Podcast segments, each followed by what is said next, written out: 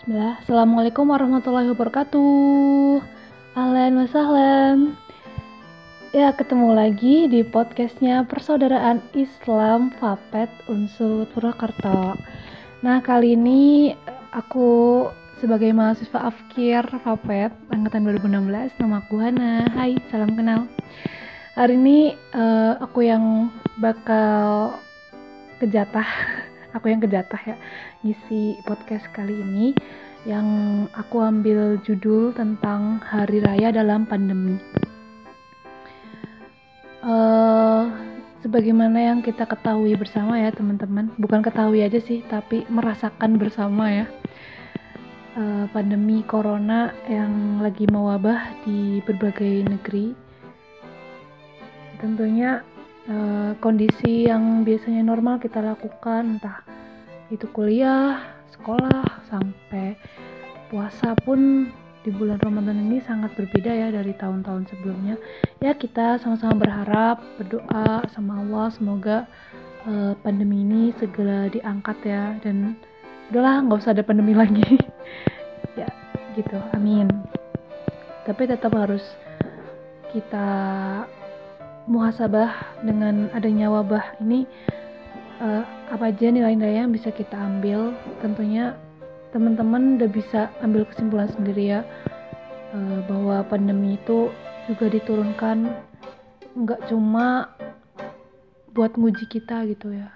Jadi kita harus tetap terima biar makin takwa sama Allah dan tetap berdoa yang terbaik ya Terus uh, hari ini karena udah malam ke-29 ya selamat dan semangat karena kita udah men hampir mencapai garis finish bulan Ramadan ya.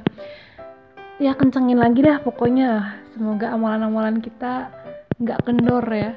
Dan setelah Idul Fitri juga bisa lebih lebih baik lagi gitu. Baik dari diri kita, ada amalan-amalan ibadah kita gitu. Amin, amin.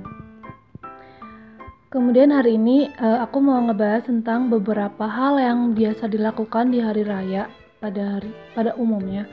Cuman karena ini udah lagi masa pandemi, tentunya beda juga dong sama biasanya karena uh, kuncinya tuh hari raya kan identik dengan kerumunan massal ya, baik keluarga atau masyarakat seperti itu. Dan itu udah jadi tradisi terutama di Indonesia sendiri gak bisa. Yang namanya uh, hari raya tuh sendiri banget. Kayaknya susah banget ya. Ya minimal sama keluarga aja gitu ya. Karena mobilitas kita juga harus dijaga. Nah uh, di sini aku mau nge-review e-booknya dari uh, Ustadz Muhammad Abduh Tuasikal uh, mungkin teman-teman udah kenal semua ya tentang riwayatnya beliau biografinya beliau Uh, satu aja sih yang perlu kalian tahu karena ini terkenal banget. Beliau itu salah satu beliau itu owner dari website uh, apa namanya? rumahisho.com biasanya kalau konsultasi syariah aku sih uh, nyari di situ sih.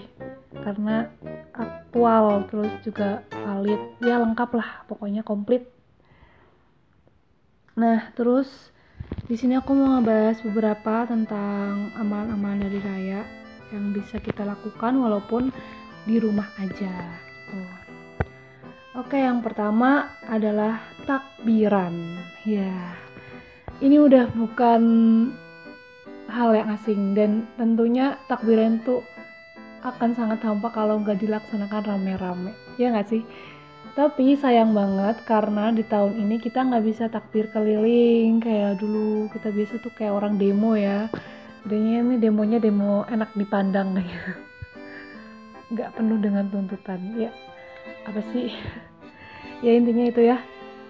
rame rame-rame takbiran. Nah, buat di kota aku sendiri udah keluar surat edaran dari pemerintah pusat kalau ada himbauan kalau kita nggak boleh melakukan takbir keliling gitu jadi takbirannya di rumah aja nah uh, takbir sendiri ini udah ada hukumnya menurut Quran Surat Al-Baqarah ayat 185 nanti teman-teman bisa buka sendiri ya di mushaf kalian atau aku baca ini ya artinya uh, bahwa Allah Allah Subhanahu wa taala berfirman yang artinya dan hendaklah kamu mencukupkan bilangannya dan hendaklah kamu mengagungkan Allah atas petunjuknya yang diberikan kepadamu supaya kamu bersyukur.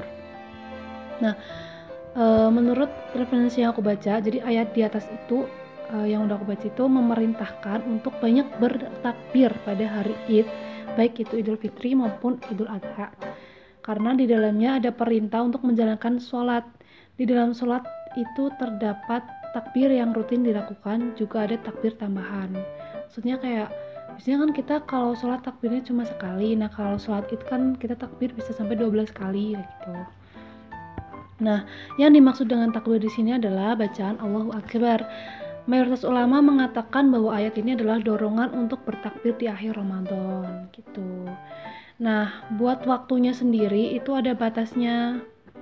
Nggak nggak ngasal ya gitu karena uh, nggak bisa kita melakukan suatu amal tanpa dasar ya jadi ada pendapat yang menyatakan bahwa takbiran itu dimulai dari melihat hilal syawal dan berakhir dengan khutbah idul fitri. Jadi sejak uh, malam id itu udah bisa terus bertakbir kayak gitu. Ini ya idul fitri ya. Terus untuk bentuk uh, bacaan dari takbiran itu pada umumnya udah tahu lah ya yang Allahu Akbar Allahu Akbar la ilaha illallah Allahu Akbar Allahu Akbar walillahil hamd yang kayak gitulah bisa juga yang takbirnya tuh yang Allah Akbarnya tuh tiga kali itu boleh nah uh, takbir ini kata Ibnu Taimiyah bahwa lafaz takbir seperti yang dicontohkan oleh Ibnu Masmud yang dipraktekkan oleh banyak sahabat. Jadi teman-teman aman kalau misalnya mau takbiran yang kayak tadi aku contohin itulah ada ininya, ada dasarnya gitu ya. Selamat takbiran. Oke, selesai? Ya, belum. Jadi masih ada lagi. Nah, setelah takbiran ada lagi nih amalan yang bisa kita lakuin pas Idul Fitri yaitu greeting atau uh, ucapan selamat ya hari raya Idul Fitri. Nah, itu bukan hal yang asing juga dan sayangnya mungkin ini aku juga belum tahu sih gambarannya kayak apa. Biasanya kita kan keliling ke tetangga-tetangga gitu kan, terus lebih halal, open house yang gitu-gitu. Cuman mungkin untuk tahun ini enggak deh. Karena aku di surat edaran pemerintah pusat juga enggak ada uh, enggak memperbolehkan enggak memperbolehkan. Itu himbauan sih ya. Intinya kita enggak boleh open house gitu. Jadi mungkin uh, ini aja kali ya di rumah aja. Ya vikol vikolan gitu lah whatsappan aja gitu ya terserah teman-teman lah punya kreativitas sendiri-sendiri ya Nah, terus dan mengucapkan selamat Hari Raya Idul Fitri itu juga termasuk sunnah, ya, gitu. Jadi nggak, uh, tapi kalau bacanya gimana nih? Apakah ada uh, apa namanya ditentukan oleh syariat atau enggak gitu ya? Kadang kan kita cuma ngomong, ah selamat Hari Idul Fitri, melazim apa izin, maaf lahir batin, nggak salah sih sebenarnya. Cuman ada nih yang lebih uh, greget lagi ya menurut hadis riwayat hadis riwayat Bukhari nomor 6263 eh salah. Maaf maaf. Jadi untuk untuk mengucapkan selamat Idul Fitri itu emang sunnah. Cuman ada juga kan yang menurut ada yang medianya tuh pakai salaman, cipika-cipiki, pelukan dan sebagainya.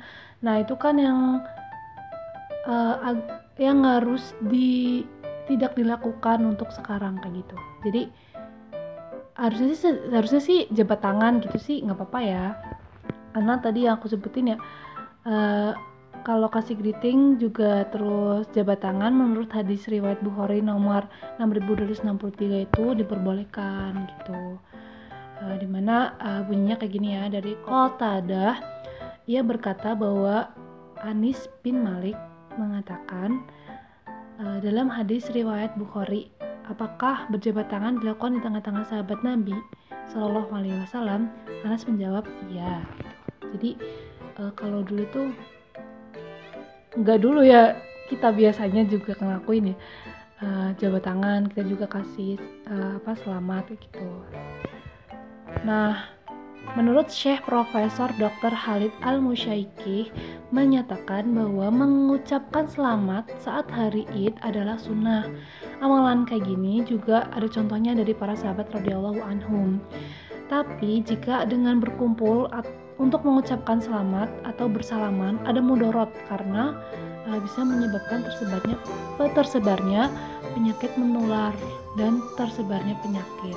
Jadi berlakulah kaidah bahwa tidak boleh memberikan mudarat tanpa disengaja maupun disengaja. Saling mengucapkan selamat bisa dengan saling memandang saja tanpa bersalaman atau cukup dengan berbagai media komunikasi seperti telepon dan sebagainya. Gitu, guys. Nah, ada nih yang bentuk ucapan yang tadi aku bahas ya. Eh, yang tadi aku singgung sedikit. Kan kita biasanya melajim apa izin gitu-gitu doang ya jadi uh, ucapan selamat namanya juga ucapan selamat maksudnya ada unsur doanya gitu loh dan teman-teman pastinya udah tahu lah ya bacaan-bacaan itu uh, kayak gini yang dicontohkan oleh oleh Rasulullah ya jadi menurut dalil yang aku baca kayak gini. Dari Jubair bin Nufair, ia berkata bahwa jika para sahabat Rasulullah Shallallahu alaihi wasallam berjumpa dengan hari Id, baik Idul Fitri atau Idul Adha, satu satu sama lain saling mengucapkan taqabbalallah minna wa minka atau semoga Allah menerima amalku dan amal kalian gitu. Jadi ketemu gak cuma ngucapin selamat tapi juga ada doanya kayak gitu guys.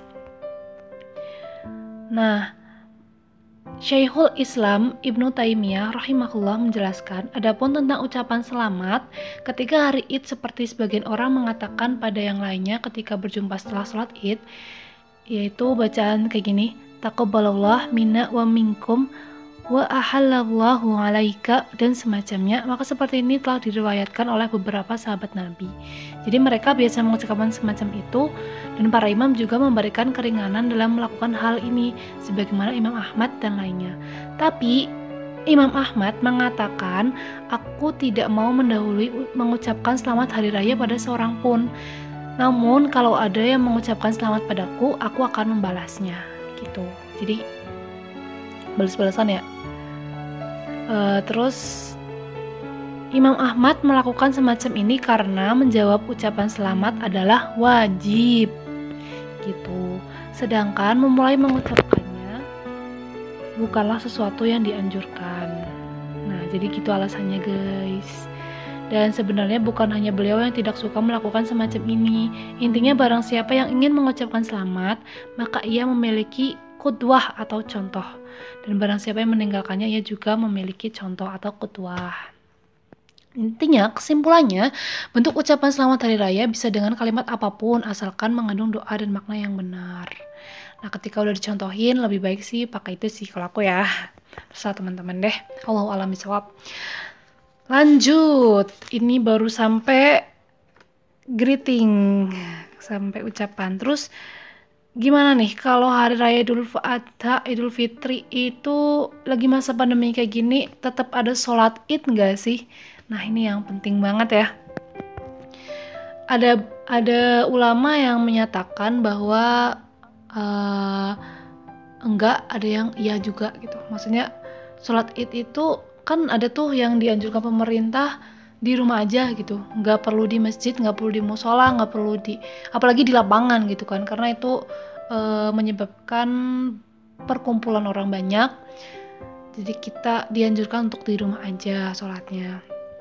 Nah menurut Syekh Profesor Dr. Khalid Al Musyaiki dalam Al Akam Al Fikbi Al Fikiyah Al Muta'alik Al Muta'alliqah Biwabaka Kuruna halaman 19 menyatakan jika kita mengatakan bahwa sholat jamaah dan sholat Jumat ditiadakan dan beralih sholat di rumah saat pandemi, demikian pula untuk sholat id tidak dilakukan di berbagai tempat sholat dan masjid jami karena dikhawatirkan adanya mudarat dengan berkumpulnya orang banyak. Yang di mana tahu tuh kan uh, akibat dari itu uh, menyebabkan penularan COVID semakin merajalela apalagi kan kita belum tahu tetangga kita juga kan ada yang mudik harusnya uh, di rumah aja malah diikutan sholat di luar tahu-tahu dia ternyata positif ya kan? Astagfirullah suzon aja. Semoga sih nggak ada ya cuman kan uh, namanya orang keinfeksi itu juga kan kita nggak nggak bisa lihat gitu kan. Lebih baik kan menjaga ya nggak sih? Ya nggak ya kan? Oke lanjut. Nah menurut ibnu Taimiyah dia berpen, beliau berpendapat sholat id itu tidak sah dilakukan di rumah sebagaimana sholat jumat tidak sah dilakukan di rumah gitu dan beliau juga menyatakan bahwa kalau sholat id luput tidak ada kodok karena sholat id itu disyaratkan dilakukan dengan ijtima atau kumpulan orang banyak. Itu menurut Ibnu Taimiyah. Jadi uh, beliau nggak mengizinkan gitu sholat di rumah. Jadi mending nggak usah sih, nggak usah sama sekali sholat. Gitu. Tapi gimana dong? Sholatnya kan fardu kifayah, ya nggak sih? Sholat itu kan fardu kifayah. Jadi sayang gitu kalau misalnya nggak dilaksanakan. Ada yang pro nih, siapalah? Beliau adalah Ibnu Qadamah yaitu tentang mengkodo sholat id. Menurut Ibnu Qodamah Al-Maqdisi rahimahullah berkata, Siapa saja yang luput dari sholat id, maka tidak ada kodo baginya. Karena hukum sholat id adalah fardu kifayah. Jika sudah mencapai kadar kifayah, sudah dikatakan cukup.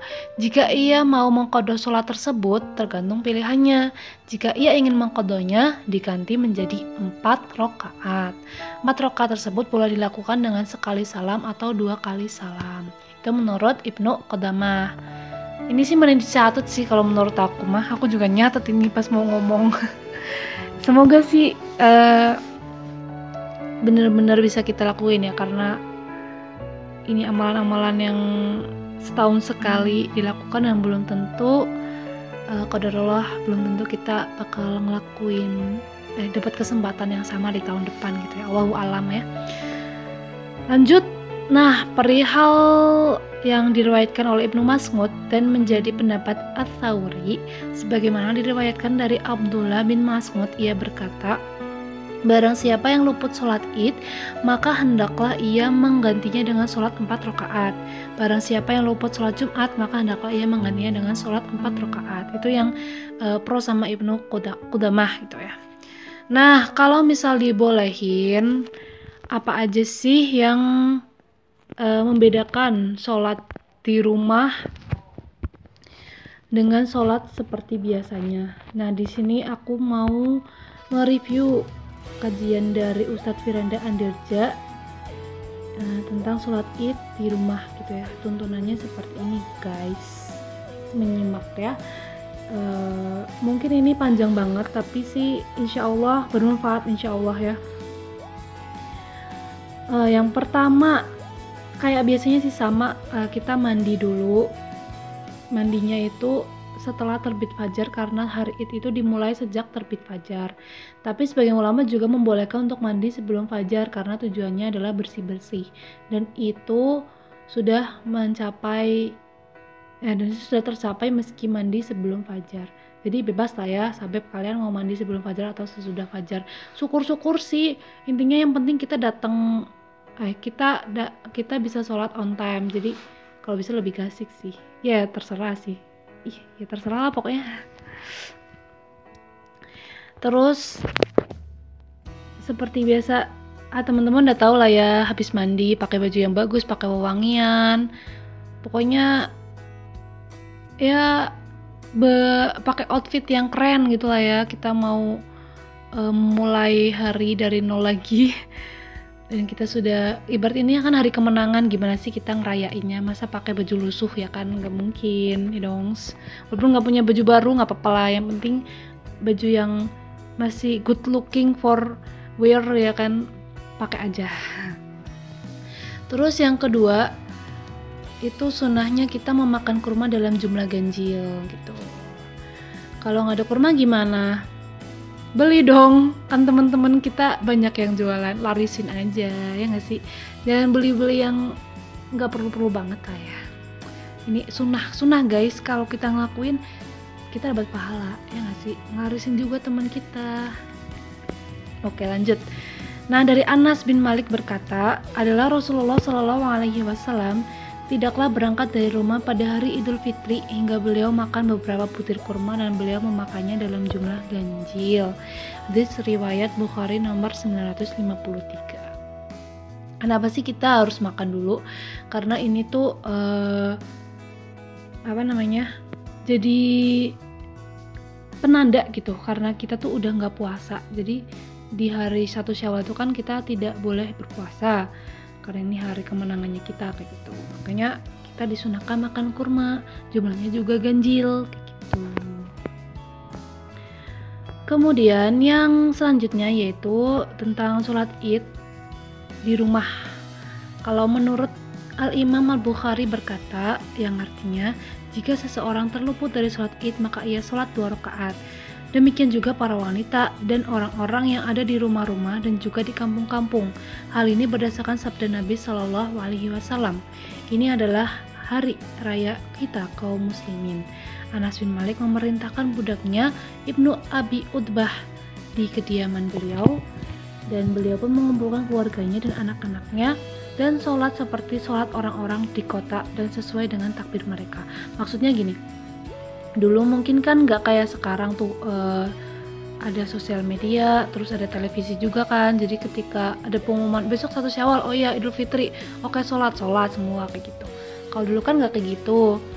Jadi taunya uh, ada pengumuman ada sholat id, ngikutin tapi nggak di lapangan gitu, di rumahnya masing-masing. Allahu alam ya, nanti cari lagi referensinya, mohon maaf. Kemudian Ikrimah berkata, penduduk pelosok, demikian juga para petani berkumpul tatkala id. Lalu mereka sholat dua rakaat sebagaimana yang dilakukan oleh penguasa yang sholat id di kota. Apa berkata, jika seseorang luput dari sholat id, maka ia sholat dua rakaat. Ya udah pusing ya, muter-muter. Semangat ya, dikit lagi selesai nih. Jadi asar Anas bin Malik di atas dan juga asar-asar para tabi'in dijadikan dalil oleh sebagian, bukan sebagian, mayoritas ulama bahwasanya barang siapa yang terluput dari sholat id maka hendaknya ia mengkodonya gitu. Kalau tadi kan Ibnu Taimiyah kan nggak boleh mengkodok, tapi kalau mayoritas ulama itu membolehkan untuk mengkodok sholat id. Apalagi di lagi pandemi kayak gini nih, gitu. Jadi tetap sholat guys. Nah, selanjutnya waktu pelaksanaan sholat id itu kayak biasanya ya. Setelah hilang waktu terlarang sholat sunnah, yaitu kurang lebih 15 menit setelah sunrise atau matahari terbit, yaitu awal waktu sholat duha ketika warna merah di langit telah hilang. Waktu sholat itu berakhir sebelum waktu terlarang sholat sunnah berikutnya, yaitu menjelang waktu zuhur. Ini adalah hal yang disepakati oleh para ulama. Terus sholatnya gimana? Ya buat teman-teman yang munfarid mungkin agak kesulitan ya uh, takut kelupaan gitu apalagi takbirnya 12 kali. Ya semoga sih ada temennya semua ya. Nah untuk rukun sholatnya sama 12 kali takbir di mana takbir rokaat pertama 7 kali dan rokaat kedua 5 kali. Dan disunahkan menurut hadis riwayat Muslim 878 untuk rokaat pertama membaca surat Al-A'la dan rokaat kedua membaca surat Al-Ghosiyah. Sedangkan menurut hadis riwayat Muslim nomor 80, 891, rokaat pertama e, disunahkan membaca surat Qaf dan rokaat kedua disunahkan membaca surat Al-Qamar. Begitu guys. Nah, untuk sholat ini enggak enggak ada apa ya nggak ada khutbah juga nggak apa-apa. Jadi ya udah udah habis sholat udah selesai. Habis itu kita salam salaman sama keluarga gitu. Jadi uh, teman-teman kesimpulannya kita nggak boleh bermudah-mudahan ya walaupun pandemi kayak gini bukan berarti kita nggak bisa sholat nggak bisa beramal soleh gitu ya. Dan tentunya amalan ibadah yang bisa kita lakukan harus berdasarkan uh, syariat yang sahih gitu ya. Dan dengan adanya eh, ulama-ulama uh, yang sudah memberikan pencerahan bahwa kita masih tetap melakukan ibadah-ibadah yang biasa dilakukan di hari fitri itu sehingga kita masih bisa ibadah ya di saat pandemi walaupun di rumah aja kayak gitu uh, aku nggak punya wejangan sih buat kalian karena aku juga butuh wejangan. Ya gitu aja sih. Sama-sama ya kita uh, tetap bisa ibadah di rumah dengan keluarga biar lebih rapet biar lebih rukun ya kan? Juga banyak belajar sih karena buat aku sendiri gitu ya hafalannya masih sedikit. Kan kadang-kadang susah juga sih sholatan dengan hafalan yang sedikit. Makanya menurut jadi dengan pandemi ini kita tuh dituntut gitu buat punya hafalan banyak. Jadi kalau misal mau sholat sendiri udah punya banyak hafalan gitu. Apalagi sholat tarawih yang banyak banget ya. Gitu. Terus uh, oh mengenai khutbah ya. Jadi tuh kita nggak perlu khutbah setelah sholat juga nggak apa-apa. Uh, menurut siapa nih? Di al Al-Insyaf Al-Mardawi itu menyatakan bahwa tidak mengapa mereka berkumpul dan sholat id tanpa khutbah dan jika khutbah maka bagus. Jadi nggak apa-apa sih kalau khutbah gitu ya. Cuman kalau misal enggak memungkinkan buat khutbah ya nggak apa-apa. Biar cepat selesai. Ya gitu. Uh, mungkin itu aja teman-teman yang bisa aku sampaikan aku benar-benar minta maaf kalau misal ada banyak kurang-kurang dan ada kata yang kurang berkenan. Tolong dimaafin ya ini juga mau lebaran. Ya bukan berarti mau lebaran terus aku bikin salah gitu ya enggak ya. Maksudnya uh, segala sesuatu yang aku sampaikan apabila itu baik itu datangnya dari Allah. Kalau misalnya itu sesuatu yang kurang berkenan itu adalah dari aku sendiri. Intinya itu yang bisa aku sampaikan semoga bermanfaat uh, selamat merayakan Hari Idul Fitri. Karena belum jadi semangat jangan kendor buat ibadah di penghujung Ramadan ini. Semoga uh, kita semua dapat rahmatnya Allah. Dan semoga amalan-amalan yang udah teman-teman kita semua lakukan diterima dosa-dosa kita sebelumnya sudah diampuni sehingga di hari fitri besok kita benar-benar jadi orang baru orang baru tapi bukan berarti apa ya hmm, gimana ngomongnya ya e, mungkin nggak sepenuhnya baru sih cuman kita jadi lebih baik lagi kayak gitu ya dia lebih teman-teman lebih ngerti lah ya kayak gitu itu aja e, mewakili salam saya mohon maaf apabila terdapat banyak kekurangan. Terima kasih sudah mendengarkan sampai akhir. Barakallahu fikum. Jazakumullah khair. Sampai ketemu lagi di podcast selanjutnya ya. Assalamualaikum warahmatullahi wabarakatuh.